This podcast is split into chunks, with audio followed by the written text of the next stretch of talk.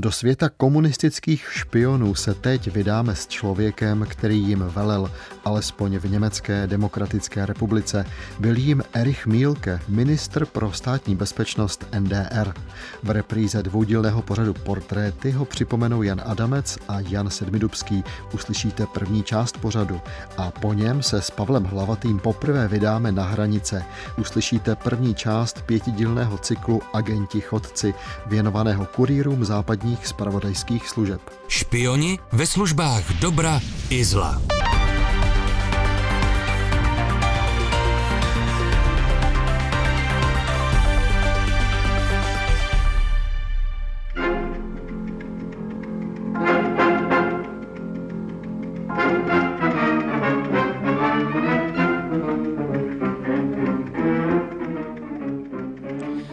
Večer, k poslechu pořadu Portréty vás vítá Jan Sedmidubský. Dnes vám, vážení a milí, budeme vyprávět příběh plný bizarního odéru. Doslova pachu vnitráckých zasedaček s černými koženými křesly, na kterých se stahovaly pavoučí sítě okolo nic netušících nevinných občanů. Pokud si teď klepete na čelo, řekl bych, samozřejmě dělám si z toho trochu legraci, protože historii tajných služeb a jejich šéfů nelze vyprávět bez jistého nadhledu, jinak by vůbec bylo těžké ono matérii uchopit. Stát, do kterého se dnes podíváme, sice už neexistuje, ale dodnes slouží jako odstrašující příklad profízlovanosti celé společnosti, od politběra až po poslední domovnici. Německá demokratická republika, která nebyla demokratická, která byla vedena sjednocenou socialistickou stranou Německa, stranou, která nebyla socialistická, ale komunistická. Všechno bylo ve skutečnosti jiné, než jak se to jmenovalo. A pokud jde o člověka, o kterém dnes bude především řeč, jmenoval se Erich Mielke. Dožil se úctyhodného věku. Zemřel, když mu bylo 87 let. Zřejmě příliš dlouhý život na tak mnoho necností. Když Erich Mielke v roce 1957 přebíral východoněmecké ministerstvo strachu, to jest Úřad státní bezpečnosti, měl 14 tisíc podřízených. V roce 1989, když odcházel, jich bylo 91 tisíc, počítám-li správně, tedy 6,5 krát tolik. A to mám na mysli pouze stále zaměstnance, nikoli řekněme externisty. Nic srovnatelného se nepodařilo žádnému šéfovi tajné státní policie v tzv. Ostbloku neboli socialistických státech východní Evropy. Ve studiu je se mnou historik Jan Adamec. Dobrý večer, Jene. Dobrý večer. Ty sám si do materiálu o Erichu Mílkem, které si mi poslal, vepsal takovou poznámku, že to byl člověk, cituji, mezi brutalitou, pedantérií a sentimentalitou. Proč zrovna tahle kombinace podle tvého mínění vystěhuje povahu Ericha Mílkeho? Tahle trojkombinace je dílem jednoho západoněmeckého novináře, který spovídal lidi, se kterými Milke přišel do styku a tyhle tři vlastnosti mu tam jakoby vyplynuly na povrch. Podle mého názoru brutalita a pedantérie to byly nezbytné předpoklady pro to, aby se tak dlouho udržel v čele tajné služby. Eh, byl opravdu nevybíravý ve svých prostředcích, v tom, jak likvidoval své protivníky a zároveň byl pedantický, přesný, plánoval, dokázal strategicky myslet dopředu, což byly nezbytné předpoklady právě pro šéfa tajné policie. No a ta sentimentalita, to byla taková jeho odvrácená stránka povahy. On při ve svém volném čase dokázal být velmi sentimentální, dokázal vzpomínat na staré časy, velmi rád se družil se svými kolegy. Vnímám to jako takový zvláštní, zvlášť, zvláštní kompenzaci té jeho pravé tváře v úřadě šéfa státní bezpečnosti. V Mílkeho osudu se vlastně zrcadlí dějiny německé krajní levice od těch počátků, tedy vlastně během celého 20. století. Asi bychom měli začít tím, že Mílke, tak jako mnoho pozdějších komunistů, pocházel z chudého prostředí, byť eh, snad přímo nevyrůstal v bídě. To se nedá tak úplně říct, je to tak. Asi ne, ale ty prvotní podmínky, to znamená, že matka mu zemřela poměrně brzo a eh, že vyrůstal v těch turbulentních eh, dobách před a hlavně během první, první světové války na něm určitě zanechali, zanechali stopu. On se narodil v roce 1907 v berlínské čtvrti Wedding jak si řekl, vyrůstal vlastně bez, bez matky, když mu byly čtyři roky, tak zemřela. Oba rodiče byli členy SPD, sociální demokracie. Ovšem otec v roce 1921 přešel do nově vzniklé KPD neboli komunistické strany Německa. Jak se ale vlastně stalo, že ten sotva plnoletýho syn Erich se už koncem 20. let ocitá uprostřed dost násilnických pouličních bojůvek, které měly krásný název Partei Selbstschutz, což je ostatně výraz vhodný třeba i pro československé lidové milice, byť ty vypadaly jinak, ale v překladu to zní stranická sebeobraná jednotka. A asi bychom tedy měli říci, s kým se němečtí komunisté stranicky sebeobraně v těch ulicích lidově řečeno mydlili. Já bych začal ještě tím dětstvím. Rozhodně to, ta politická orientace jeho otce byla určující. On už, myslím, v 15 vstupuje do Mládežnického svazu komunistické strany Německa a pak hned, jak může, tak vstupuje i do komunistické strany Německa. A zřejmě i ty jeho povahové rosy spíš tíhly k tomu, ne k nějaké intelektuální práci, Neřekl bych, že to byl přímo čtenář kapitálu nebo, nebo Marxe a, a Lenina, ale spíš tíhl k té akci. To znamená, on se poté, i poté se přiznával k tomu, že se vyžíval v těch demonstracích, eh, ve střetech s, s politickými protivníky, ať už to byli sociální demokraté nebo později krajní pravice, nacisté, v té tajné kolportaci tiskovin, v útočení nebo v rušení těch demonstrací politických protivníků. Prostě celá ta skoro ilegální práce toho velmi bavilo a eh, zřejmě k tomu od začátku tíhnul. Konec konců zase my to můžeme vysvětlit dost psychologicky, protože když si vezmeme ty tři základní vlastnosti na začátku tady nastíněné, tak při nejmenším dvě z nich s tím vlastně mohou úzce souviset. To znamená, ta touha být mezi kamarády, no tak nejlépe se člověk bije na ulici, když není sám. A za druhé ta brutalita. Ano, ono, ono to souviselo i s, tím, i s tím politickým prostředím. Prostě ta politická kultura ve výmarském Německu byla dost radikalizovaná a hodně politiky se odehrávalo v ulicích, na rozdíl třeba od dnešní doby, kdy je to spíš otázka parlamentu nebo diskuzí nebo něčeho takového, tak tam se hodně demonstrovalo, hodně bojovalo, hodně křičelo, hodně pochodovalo. Prostě ulice měla velký podíl na politice a bohužel měla i velký podíl na, pak na zániku Výmarské republiky, protože jak komunisté zleva, tak pak i nacisté zprava vlastně destruovali ten parlamentní systém a Erich Mielke k tomu byť malým dílem přispíval. A ty pouliční bitky v podstatě se dají datovat někdy do konce 20. let nebo už dřív? No, ono to bylo, ono to trošku souviselo, souviselo s celou historií komunistické strany Německa. Oni se stále na začátku 20. let pokoušeli o vyvolání té německé komunistické revoluce po vzoru eh, ruských bolševiků. Nepodařilo se jim to ani v Mnichově a pak ani v roce 1923 a od té doby byli takzvaným podezřelým elementem. To znamená, že ty oficiální síly Výmarské republiky, ať už byly policejní nebo soudní, se na ně soustředovali, protože je právem považovali za podvraceče režimu. Později se k tomu jak se blížil nástup Adolfa Hitlera, tak se k tomu přidávali i, i nacisté. Ale třeba poznamenat, že do toho roku 32-33 jak nacisté, tak komunisté spíš bojovali se sociálními demokraty nebo s tím establishmentem, než spolu navzájem. Samozřejmě docházelo ke střetům, ale oni se v podstatě dokázali i na některých akcích paradoxně sjednotit, protože bojovali proti tomu společnému nepříteli a to byla Výmarská republika, to byl ten establishment. Já jsem rád, že jsi se zmínil o sociální demokracii, protože konec konců z té doby pochází eh, ten výraz, který němečtí komunisté mezi sebou používali pro sociální demokraty, to jest sociál fašisté.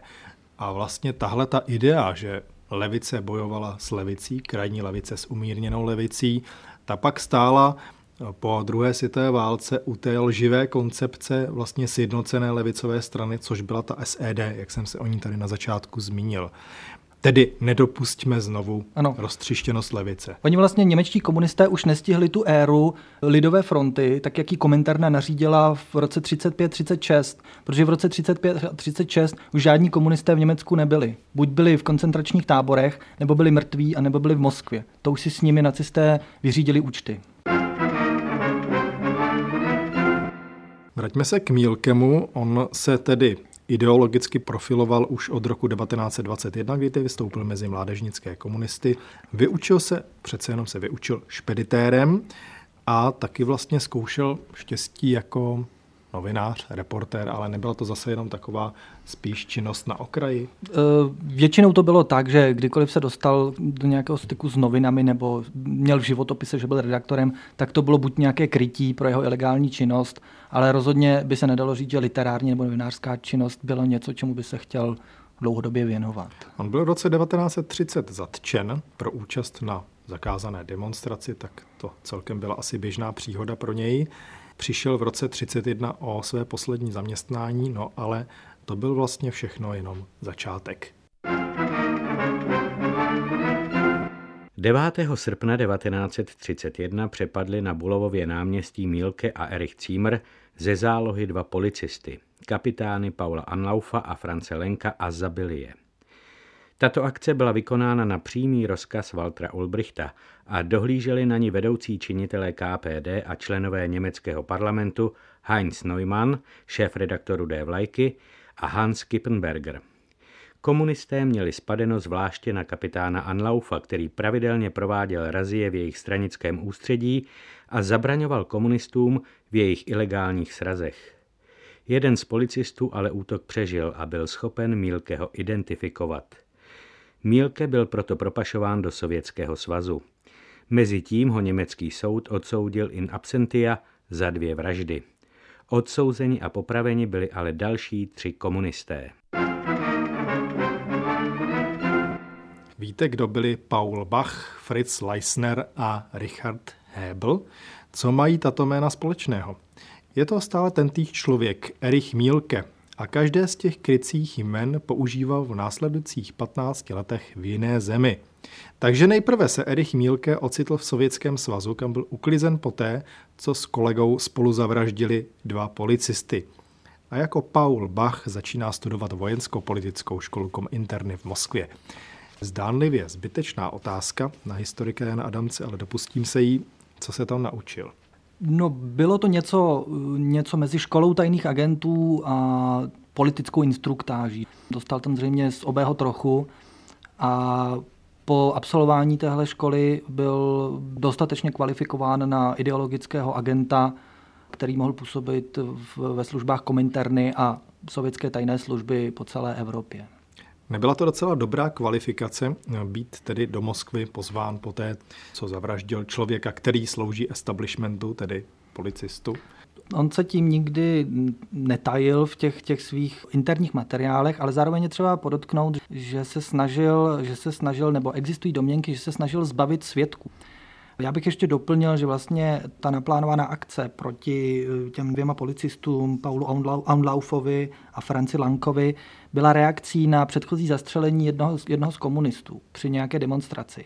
A vedení komunistické strany Německa se rozhodlo, že je prostě nutné se pomstít. A tihle dva policisté byli známí svým šikanováním komunistů, takže byli vhodným, vhodným terčem. A to vedlo k tomu, že Mílke byl prostě určen na základě předchozích zkušeností, určen do té popravčí, abych to tak řekl, skvadry, která pak, která pak ty dva policisty zastřelila. Ale ještě bych se vrátil pak do té Moskvy, byla to spíše znouzecnost, protože německá policie po té vraždě spustila obrovskou pátrací akci a jen tak tak se Mílke dostal pryč. Takže ono to, bylo, ono to bylo spíše znouzectnost a v Moskvě si ho sice zapsali jako dobrého a věrného komunistu, ale zatím se ničím jiným víc neprokázal. Kolik let v Moskvě strávil potom? No, když to tak počítáme, tak 31, eh, asi pět let. A pak byl vyslán jako už plnohodnotný agent NKVD a Kominterny do Španělska. Do jaké míry vlastně němečtí komunisté v té době, v první půlce 30. let, byli v té Stalinově Moskvě nejenom pod nátlakem, ale ohroženi? No zprvu to tak nevypadalo. Situace se samozřejmě dost, získali úkryt po té, co Hitler převzal moc v roce 1933 a situace komunistické strany Německa se stala neudržitelnou. Komunisté byli po stovkách a tisících posílání do lágru, byli popravováni, persekuováni. Ale v podstatě to tež se jim stalo v Moskvě, když začaly velké čistky. Komunistická strana Německa společně s polskou komunistickou stranou a třeba jugoslávskou byla totálně decimovaná během Stalinových čistek a v podstatě po válce musely být všechny tyto strany znovu obnoveny. A pro německé komunisty to platí dvojnásob. Znamená to ale, že ty čistky začaly v podstatě až s tou hlavní vlnou v roce 37, tedy s čistkou v sovětském, sovětské komunistické straně? Ano, tam jakoby od toho tři, v letech 33, 34, 35, oni tam vlastně byli jako v azylu a nic nenapovídalo tomu, že by, že by se schylovalo k takovému masovému mlínku, který pak nastal v letech 36, 38. Ale ten je nutno postihnout, že postihl nejenom zahraniční komunisty, ale i sovětské občany. Víme něco o tom, jak vlastně Mílke, protože takové informace se objevily v Moskvě v polovině 30. let, on vlastně udával své kolegy komunisty z těch dalších zemí. Ví se o tom něco víc? Takhle, já bych spíš, jakoby, já bych spíš řekl, že on ze své pozice, on byl příslušníkem tajných služeb, takže on vlastně pojem udavač se na něj ani tolik nehodí, protože on byl agent plnokrevný a pokud něco takového dělal, tak to dělal z pozice, z pozice své funkce a své profese. On nebyl politik, on byl v podstatě opravdu trénovaný agent, eh, trénovaný tajný policista, takže v tomhle smyslu neměl taková ta dilemata, jako měl třeba Imre Nať, který jakoby politik byl postaven před, před volbu udávat své kolegy a nebo se ocitnout v soukolí těch čistek nebo třeba Josip Broz Tito, který byl také v té atmosféře a viděl, jak to tam, jak to tam vypadá. On v podstatě jenom plnil rozkazy, a pokud, pokud dostal rozkaz, aby na někoho řekl nějakou informaci, pokud ji věděl, tak ten rozkaz splnil. On tohle dilema neměl. No a potom tedy přichází Španělsko, léta 36 až 39. On působí tedy jako agent NKVD a politický komisař pod jménem Fritz Leisner ve Španělsku. Tady je, myslím, na místě ocitovat jeden z německých republikánských veteránů, Walter Janka, popsal Mílkeho činnost s následující stručností. Zatímco já jsem bojoval v první linii proti fašistům, Mílke sloužil v zázemí a střílel anarchisty a trockisty.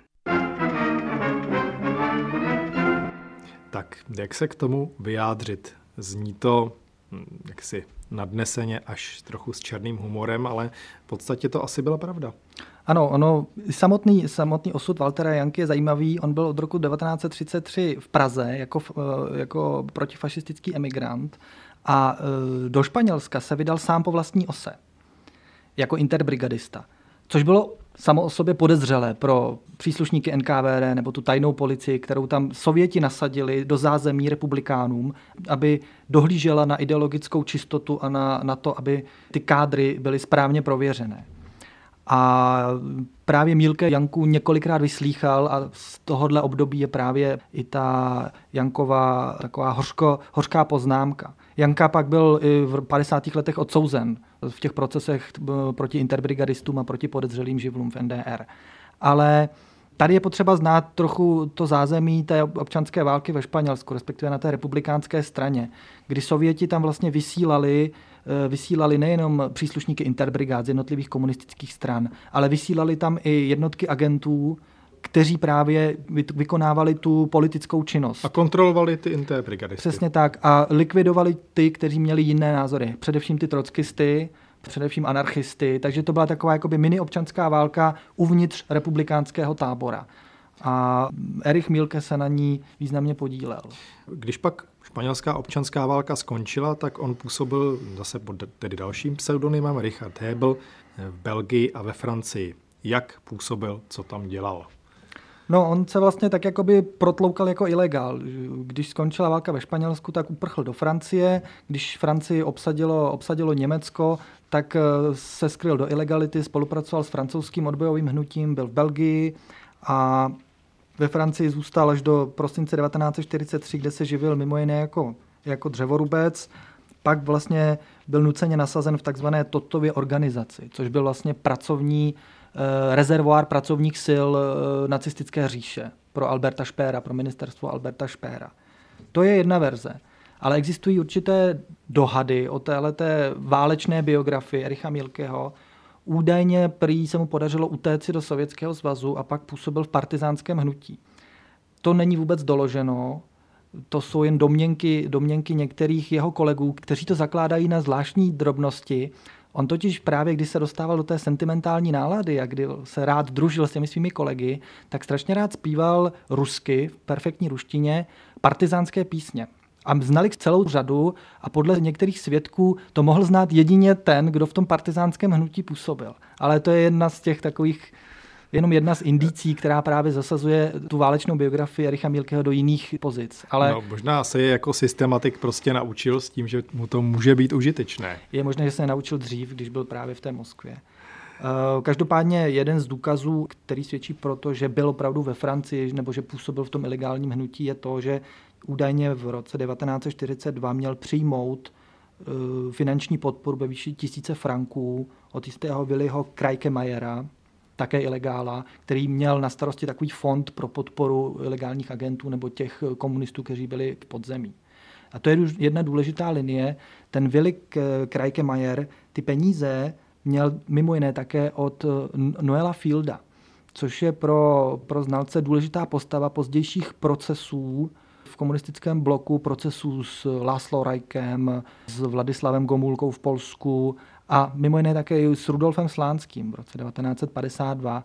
Eh, Noel Field byl americký dal by se říci, žurnalista, ale on spíš zastupoval americké organizace, některé, které rozdávaly peníze a působil ve Švýcarsku.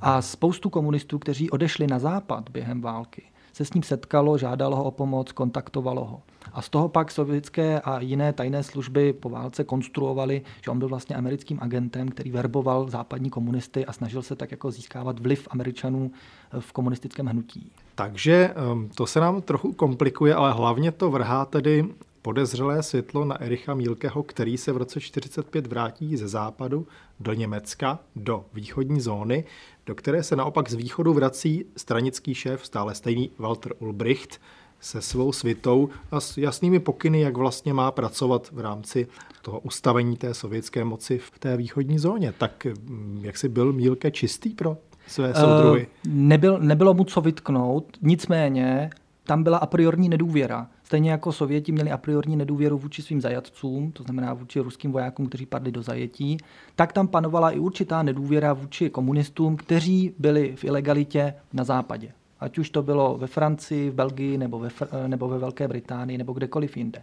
Prostě nebyli dostatečně prověření a byla tam potenciální možnost, že byli naverbováni americkou, anglickou nebo jakoukoliv jinou západní tajnou službou. Takže on tu kariéru v roce 45 začíná sice s bezvadným životopisem, ale přeci jen tam je určitý stín nedůvěry ze sovětské strany.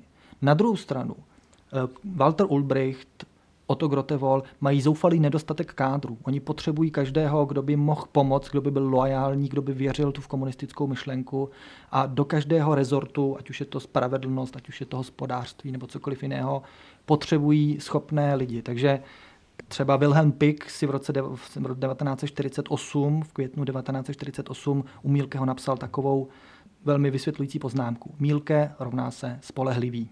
Tak a já tady mám napsáno, že Erich Mílke tedy potom v roce 45 nebo počínaje rokem 45 sloužil jako velitel policejní inspekce v Berlíně Lichtenbergu a zároveň měl za úkol vybudovat bezpečnostní síly, tedy policii předpokládejme, a soudnictví. Tak to je celkem důležitý úkol. Ano, on byl jeden, on se, on se postupně propracovával do těch pozic uh, i díky těm svým schopnostem, i díky tomu, že postupně překonával tu nedůvěru sovětských, sovětských orgánů a měl mimo jiné měl na starosti spolu s dalšími budovat ty bezpečnostní, bezpečnostní orgány. Tady bych jen připomněl, že vlastně pozdějším prvním šéfem z východoněmecké tajné služby byl Wilhelm Zeisser, alias generál Gomez, pod kterým Erich Mielke sloužil ve Španělsku. Oni se velmi dobře znali a oni spolu tvořili takovou, takovou dobrou dvojku. Jediný rozdíl, který pak hrál v Zeisserův prospěch, byl to, že Zeisser se dostal do Moskvy, než začala druhá světová válka. A vlastně celou druhou světovou válku strávil v Moskvě a v Sovětském svazu. Takže byl prověřený a Sověti mu plně důvěřovali. Mílke naopak právě byl na tom západě a to byla malinká skvrna v tom jeho životopise. Takže ty naznačuješ, že v tom roce 1949, kdy se na podzim datuje vznik NDR a spolu s tím je možné už reálně mluvit o regulérní tajné službě tohoto nového státu, tak tady byli dva muži, Erich Mielke a Wilhelm Zeisser. Mielke se stává tady Zeisserovým podřízeným, ano. ale my můžeme už teď říci, že ho brzy vystřídá, relativně brzy.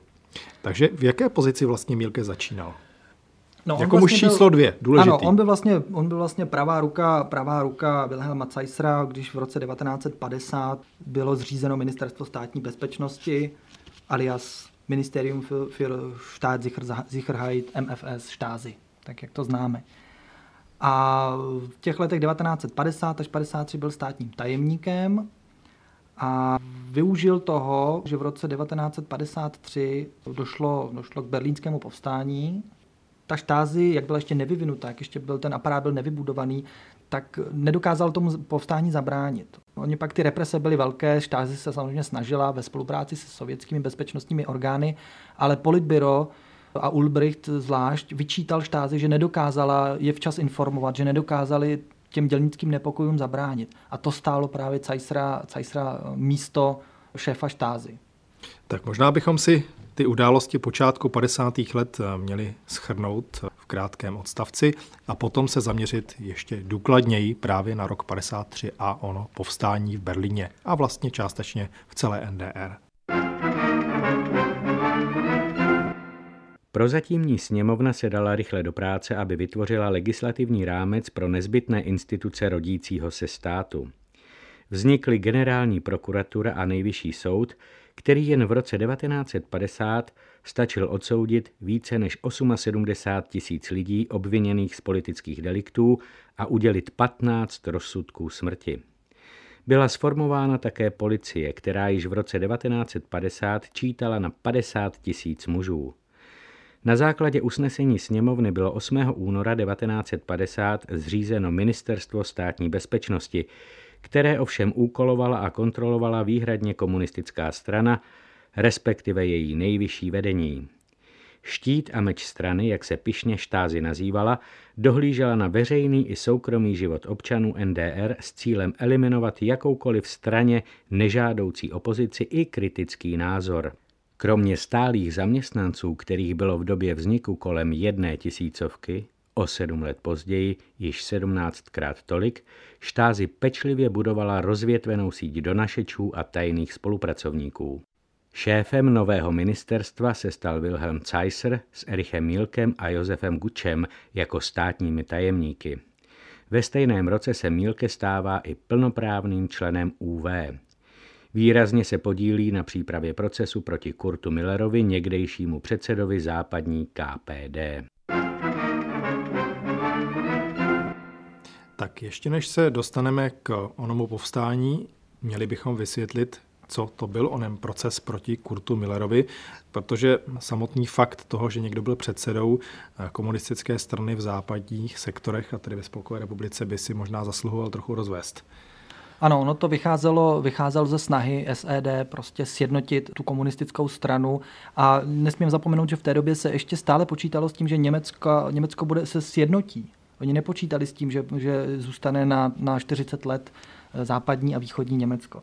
Takže oni počítali s tím, oni počítali s tím, že se sjednotí i ty strany a právě Kurta Millera oni, oni unesli v podstatě ze západní zóny a, a pak, ho sou, pak, pak ho soudili a odsoudili k vysokému, k vysokému trestu. No a právě eh, při výsleších a při té celé akci si vysloužil první své profesionální ostruhy právě Erich Mielke, který Kurta Millera vyslýchal a eh, jak vzpomíná pak Miller, chlubil se prostě těmi svými moskevskými zásluhami a že prostě Moskva na něj spolehá, a že je prověřený čekista a žák, žák Lavrentie Berry a tak dále a tak dále. Takhle o sobě sám Mílke mluvil. Tedy. Ano, údajně, údajně při výsleších se takhle holedbal před vyslíchaným.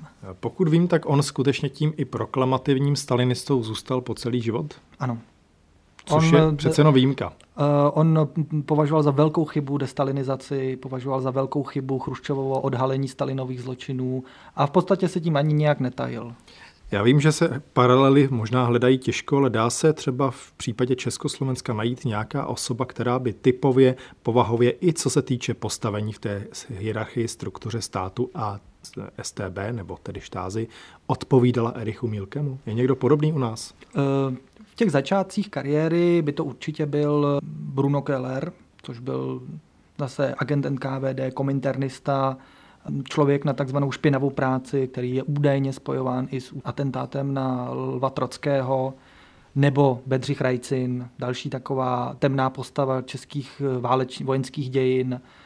Co se týče postavení nebo toho, toho profesionálního růstu, tak bych ho mohl přirovnat i k Rudolfu Barákovi, i tím vlivem, který postupně on získával, ale samozřejmě na rozdíl od Rudolfa Baráka si dokázal zachovat, zachovat své postavení a dokázal prostě těm šéfům svým, že se nesnaží o tu jejich pozici, že je jejich věrným služebníkem. Ale... Takže nikdy nebyl ministrem vnitra, nesnažil se o to nic? Nikdy se, nikdy se, nikdy se jakoby nesnažil získat nějakou politickou funkci.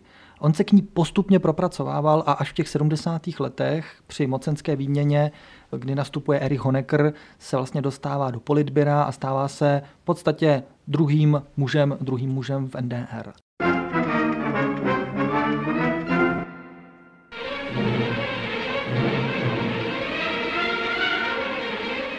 Acht schicksalhafte Tage für Berlin, vielleicht für Deutschland. Der Aufstand, ein Protest gegen die Herrschaft des SED-Regimes und ein Bekenntnis zur Wiedervereinigung wurde durch Maschinengewehrfeuer und Panzer niedergehalten. Nicht nur in Deutschland herrschen Trauer und Empörung. Weit über den ganzen Kontinent hinaus... V roce 1953 jenom zopakujeme snad celkem známá fakta, že vypuklo na základě toho, že východoněmečtí dělníci, kteří stavěli první velké sídliště ve východním Berlíně, se vzbouřili proti stavebním pracovním normám, které jim byly tedy stvrzeny nebo které byly zvýšeny. A vznikla z toho poměrně velká bouře, bylo nutné to potlačit tanky, ta vzpoura se rozšířila i do dalších měst eh, NDR. Nabízí se otázka, proč tohle nestálo Waltra Ulbrichta v Moskvě, tedy Krk? No málem. Málem to stálo ale on se nakonec eh, ukázal jako nepostradatelným pro, pro, pro Sověty. Walter Ulbricht byl v roce, hm, na začátku roku 53, když nastupovala nová garnitura v Moskvě, pro ně stejně negativní postavou nebo takovou postavou, které by se rádi zbavili, jako třeba Matějáš Rákoši v, v Maďarsku. Ale to povstání jakoby Ulbrichta zachránilo. Oni už počítali s tím, že Ulbrichta odvolají, ale do toho právě vypuklo povstání a e, Sověti ho museli, Sověti ho museli potlačit e, i za pomoci právě východoněmecké tajné policie. A Ulbricht vlastně ukázal, že on je jediný, kdo může, kdo může tomu SED vládnout, kdo tam má nějakou moc. Mimochodem, e, východoněmecké povstání stálo pozici asi nejdůležitějšího muže tehdy v Moskvě, a to byl Lavrentí Beria. Tomu to vlastně zlomilo krk, protože se ukázalo, že ty jeho kvazireformní návrhy vedou k povstání, vedou k nepokojům. A toho se lekli ti ostatní, jako Molotov nebo Chruščev, a dohodli se na tom, že Beriu radši odstraní, než aby jim začal hořet celý východní blok. Když mluvíme o tom povstání z června 1953, nakolik se na jeho potlačení, nakonec tedy úspěšném samozřejmě, podílel samotný Erich Mílke? No, jako jedna z vůdčích postav eh, tajné policie měl na starosti především ty represe, to znamená typování těch vůdců v těch jednotlivých městech, protože samozřejmě povstání se ne, nebylo, jenom ve, nebylo jenom v Berlíně, to vypuklo i v ostatních, v ostatních městech.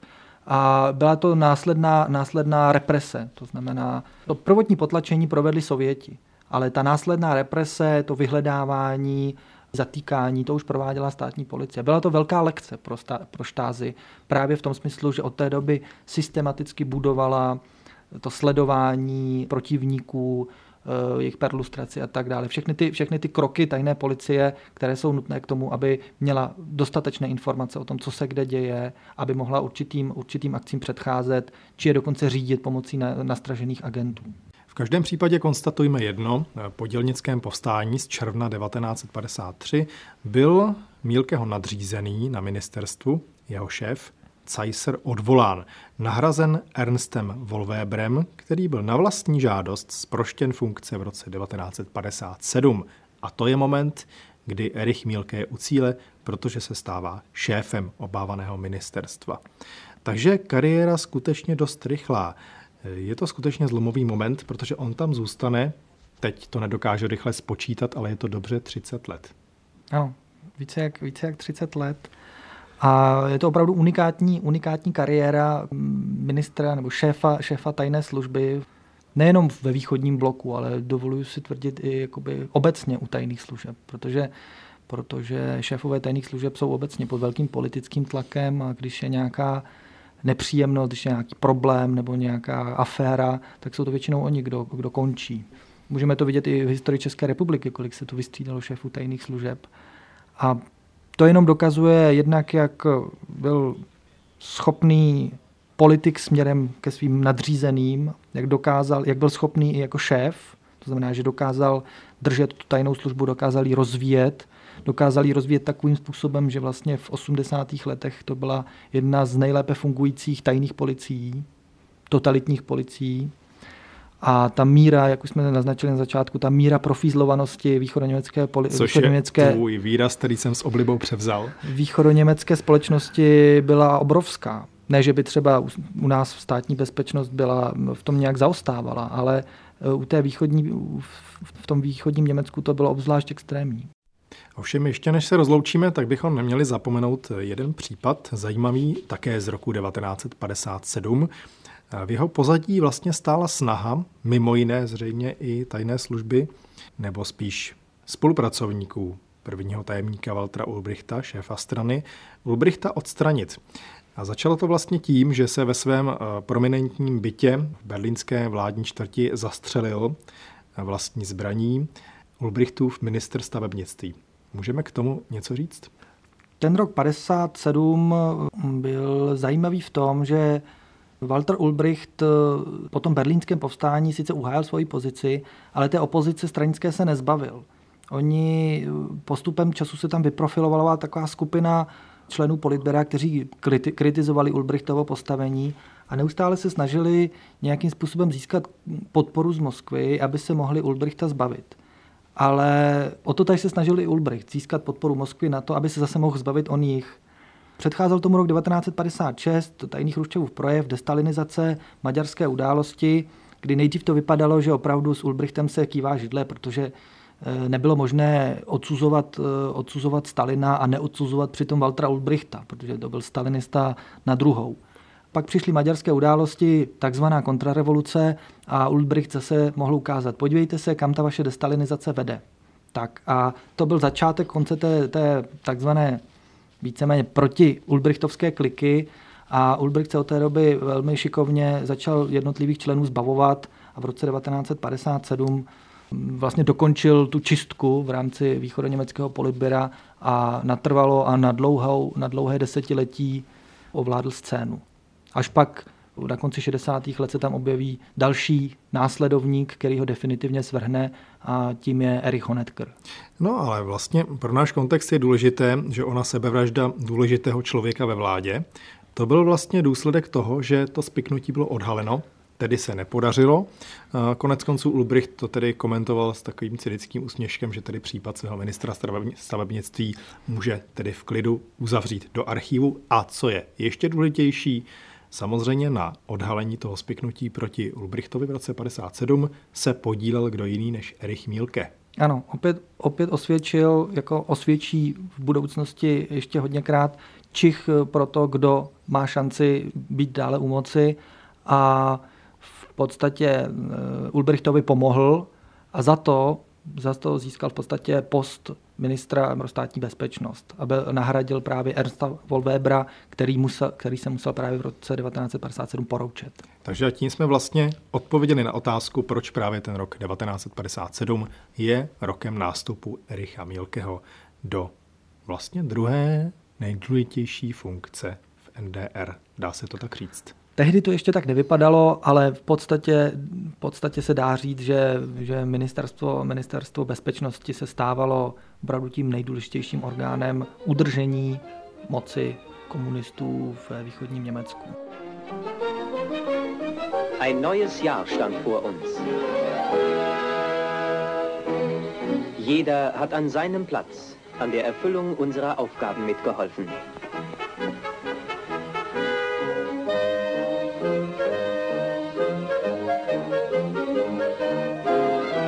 Große Erfolge wurden in unserem sozialistischen Aufbau erreicht.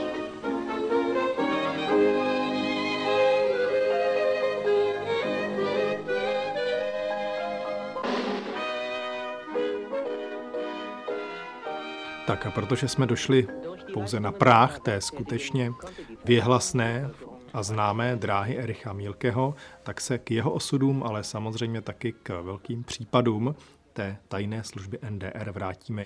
Snad jenom jako návnadu řeknu, že konec konců i Ericha Mílkeho spravedlnost nakonec po roce 1989 dostihla, i když trochu jinak, než si představoval. Na dnešním pořadu spolupracovali David Schneider a Markéta Bidžovská. Děkuji historikovi Janu Adamcovi, hezký večer. Já děkuji za pozvání. A spolu s ním se od mikrofonu Českého rozhlasu loučí Jan Sedminubský.